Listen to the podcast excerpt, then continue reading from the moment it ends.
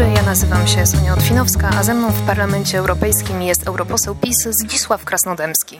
Dzień dobry, dzień dobry Pani, dzień dobry Państwu. Dzisiaj szefowa Komisji Europejskiej Ursula von der Leyen wygłosiła swoje ostatnie orędzie o stanie Unii. Jak Pani ocenia? No, to było oczywiście orędzie, które podsumowywało jej działania.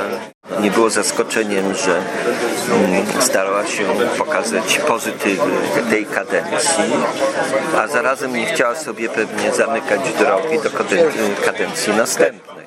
Natomiast też jest y, interesujące, że zdecydowanie były nowe akcenty niż w jej dotychczasowych wystąpieniach. Znaczy niezależnie od tego, że mówiła dużo na temat Zielonego Ładu i celów klimatycznych, to znacznie większą część swojego przemówienia niż dotychczas poświęciła sprawom konkurencyjności, przemysłu europejskiego, rolnictwa europejskiego, więc powiedziałbym, że akcenty były inaczej postawione niż dotychczas. Kwestia wojny w Ukrainie też wybrzmiała na samym końcu. To zły prognostyk w kontekście na przykład możliwej akcesji, na której Ukrainie tak bardzo zależy.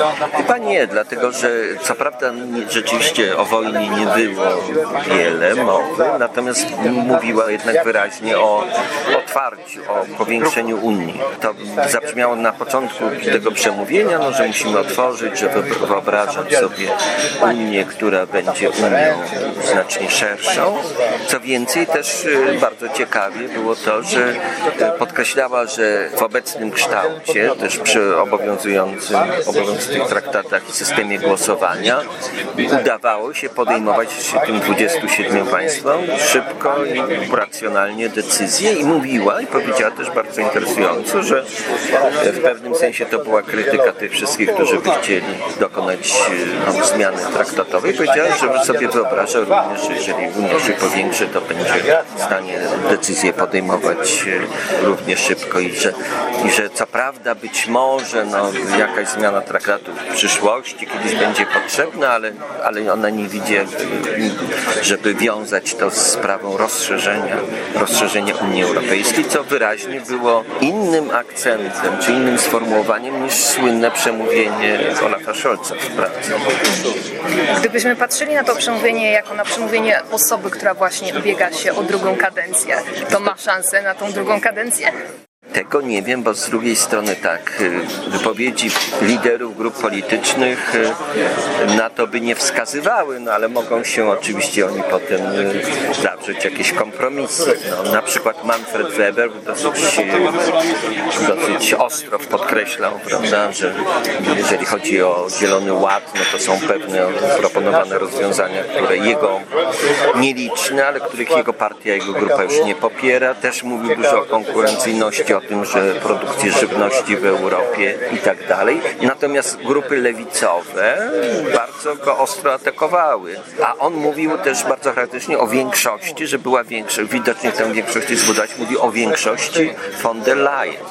Czyli jakby odwołał się do pewnej wspólnoty interesów politycznych, która ewentualnie mogłaby jej tę większość zapewnić w przyszłości. Ale nie wiem, czy to się da bez EKR-u i czy to po pierwsze, a po drugie, czy im się uda utrzymać rzeczywiście taką jedność no, z tej debaty, jakby to nie wynikało. Faktycznie, jeśli chodzi o EPL, to dochodzi tutaj do rozłamu i w tych kwestiach środowiskowych, i kwestii migracji. Ale ja chciałam zapytać o Manfreda Webera w innym kontekście polskim, bo wiadomo, że zbliżają się wybory i cały czas ta kwestia Niemiec, wpływu Niemiec na polską politykę wybrzmiewa. Wiadomo, że zaczęło się trochę od tych słów e, w wywiadach dla niemieckich mediów o zaporze ogniowej, o tym, że EPL to jedyna siła, która może powstrzymać PiS w Polsce. No ja się wczoraj spytałam na briefingu Manfreda Webera o te słowa. Nie chciał komentować, ale powiedział krótko. Jestem przyjacielem Polski i Europejska Partia Ludowa jest przyjacielem Polski. Jedynymi osobami, które zdecydują o przyszłości Polski są polscy obywatele. Pana to przekonuje? Myślę, że to wyciągnął wnioski myślę, z tamtych wypowiedzi i krytyki tych wypowiedzi. No ja myślę, że to jednak powinna być podstawa tej polityki europejskiej. Tak o Polsce decydują Polacy, we Włoszech.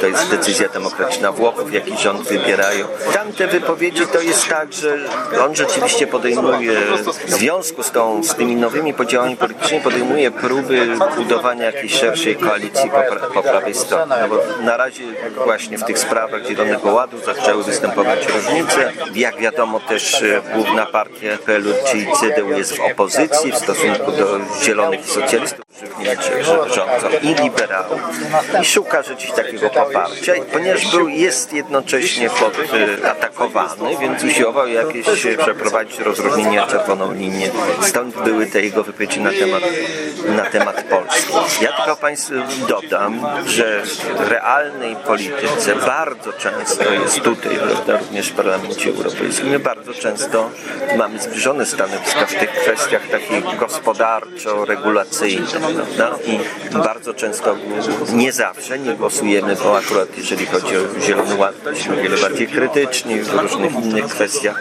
On jest też politykiem, ale to też nie wszyscy jego koledzy z EPL-u jest takim politykiem profederacyjnym, prawda? chciałby budować.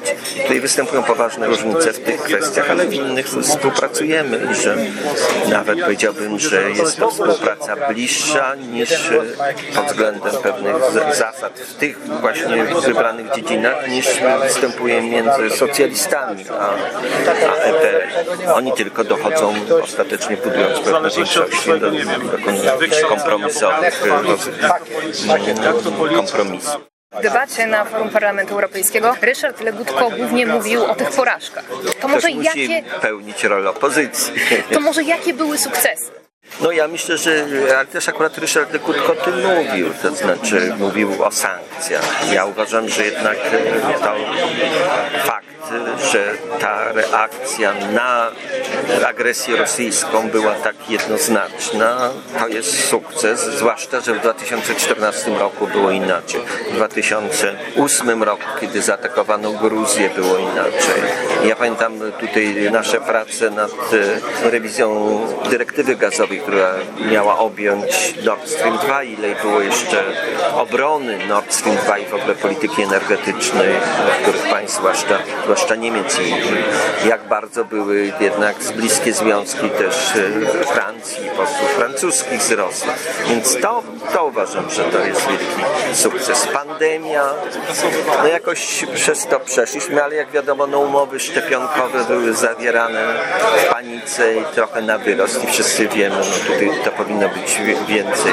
Ja uważam też, że jeżeli chodzi o politykę klimatyczną taką modernizację, która prowadzi do coraz do bardziej zielonej gospodarki, mniej emisyjnej, że to jest racjonalne, że to też wymusza na przemyśle prawda, pewnego typu modernizacji. Natomiast y, no, błędem było jednak przyspieszanie tego z powodów ideologicznych. To będzie na pewno poddane rewizji. No, ale można powiedzieć, no tam jej grat zieloni gratulowali, prawda, że ona jakby odważyła się to uczynić priorytetem. Pozostaje jeszcze oczywiście do sprawdzenia, czy rzeczywiście jest tak, że, że ta transformacja nie obniży konkurencyjności gospodarki. Ale to myślę, że to było, to można powiedzieć, że no dobrze, to jakoś zmierza w pewnym kierunku, który co wszystkiego się, się zgadzamy. Myślę, że pani pokolenie również, że to powinniśmy więcej dbać. No, dzisiaj myślę, że coraz mniej jest także w Polsce osób, które myślą, że ocieplenie klimatu jest tylko wymysłem. To dobrze.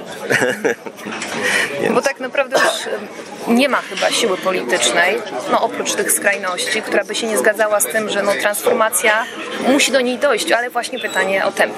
I tak, tutaj tak, I to, jest i to, ta różnica. I to, I to, ja myślę, że to robimy i to się zmieniło kiedyś. Ja myślę, że też jeżeli chodzi o polską politykę, że dzisiaj się staramy wyprzedzać nawet pewne rzeczy. To kiedyś było jakby nie do końca zrozumiałe, ale my byśmy pewnie no, robili to wszystko oczywiście znacznie wolniej, ale no, jak, jak mówię, to no, też oczywiście wracając jeszcze do, do innej kwestii, no polityka jednak racjonalna teraz bardziej sta się polityka imigracyjny, tak? Czy znowu pakt imigracyjny, który tam się proponuje, to jest ciekawe, ona o tym pakcie nie powiedziała nic, prawda?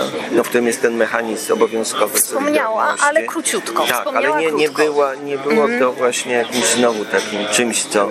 No jeżeli chodzi o inne rzeczy, ja myślę, że trochę żałuję, że nie doprowadziła jednak kompromisu z Polską w tamtym, w tamtym roku, bo ten konflikt jest zupełnie, zupełnie niepotrzebny. Co byśmy nie sądzili, prawda, o naszym wymiarze sprawiedliwości, to wiemy, że niektóre oceny, które tutaj padały, które też były formowane najczęściej przez ludzi z, ze skrajnej, prawda, skrajnej lewicy, zielonych i tak dalej, że one były i krzywdzące, prawda, i niesprawiedliwe. No, jak mówię, nieco więcej pragmatyzmu w tej e, sprawie, nieco więcej zrozumienia racji z drugiej strony pozwoliłoby chyba wyjść z tego. I to myślę by może nawet lepiej gwarantowało przyszłą kadencję niż, e, bo przypomnę, no, że została wybrana Ursula von der Leyen tylko dziewięcioma głosami. Część tych głosów to były głosy raczej prawej strony sali, bo lewa ją krytykowała, ona jest jednak politykiem C- CDU, więc, no ale te, tego akurat nie była w stanie dokonać. Czyli powiedział Pan między słowami, że Ursuli von der Leyen opłacałoby się zakończyć konflikt z Polską, bo miałaby większe szanse na reelekcję. Tak, ale musiałaby się wtedy, znaczy rok temu, wykazać większą odwagą w stosunku do, no właśnie, tych dominujących sił lewicowych, prawda? Ja już nie wiem, jakie jest jej osobiste przekonanie, ale to jest tak samo jak no nieco bardziej złagodzić szy- szybkość, tempo zmiany klimatycznych, Zielonego Ładu. To dopiero teraz, prawda, na przykład no wchodzi, pracujemy teraz nad tym aktem dotyczącym gospodarki zeroemisyjnej. No Przecież no nie można robić polityki klimatycznej zastanawiając się, co będzie z przemysłem. To przyszło bardzo późno. Tak samo również pe- pewne rozwiązania, no polityka energetyczna się całkowicie zmieniła w związku z kryzysem energetycznym, ale to też można było przewidzieć. No gdyby tu była odważniejsza w stosunku do tej większości, tak, o której mówił Weber, ale głównie jednak e, no, formowanej, jeżeli chodzi o program przez gru- grupę Zielonych i grupę socjalistów i też zakończyła ten konflikt z Polską, która jest głównie z tymi siłami, to myślę, że miałaby większe szanse na przedni wybór, ale to wymagało odwagi politycznej, które chyba jej zabrakło. W przyszłym roku mamy wybory do Parlamentu Europejskiego i to jest ta instytucja, która najczęściej z trzech unijnych instytucji jest najbardziej liberalna, najbardziej lewicowa. Zapowiada się na to, że jednak w wyniku przyszłorocznych wyborów troszeczkę przesunie się na prawo. Pan na to liczy? No tak e, wszystkie projekcje, tak przewidywania po- pokazują, ale czy to będzie zmiana no taka, która już e, pozwoli im rzeczywiście zmienić politykę, no tego nie wiem. No na pewno jest tak, że wszystko się pokazuje, że KR będzie większe, będzie więcej posłów niezrzeszonych, również ta grupa ID, tożsamość demokracja będzie większa, że w związku z tym właśnie Europejska Partia Ludowa zaczyna, zresztą wielu sfrustrowanych posłów tym, tą, tą polityką jednak formowaną głównie przez tutaj no jednak małą grupę frakcji zielonych, z pewnych socjalistów, że oni też chcieliby, żeby nastąpiło takie przesunięcie środka ciężkości naszej polityki na prawo. No zobaczymy, musimy, do wyborów jest jeszcze dużo czasu. Myślę, że dzisiaj ta zmiana polega też na tym, że społeczeństwa, powiedzmy tak zwane zachodnie, zaczynają odczuwać skutki tej polityki klimatycznej, na przykład no, dotyczące renowacji domów, y, ocieplania, polityki energetycznej i w związku z tym no, zmienia się jakby nastawienie obywateli, a to ma zawsze wpływ na, polityków, prawda, i na ich. Także mam nadzieję, że ten parlament, y, który był bardzo lewicowy, nawet jak porównujemy z poprzednią kadencją, no, w zasadzie grupa też liberałów przestała istnieć, ta grupa ALDE, ona stała się grupą zdominowaną przez partię prezydenta Macrona, która jest, y, no nie jest klasyczną partią liberalną, czy czymś liberalno-socjalistyczną grupą. No powinniśmy chyba wrócić do innej polityki. Także no zobaczymy. Dziękuję bardzo.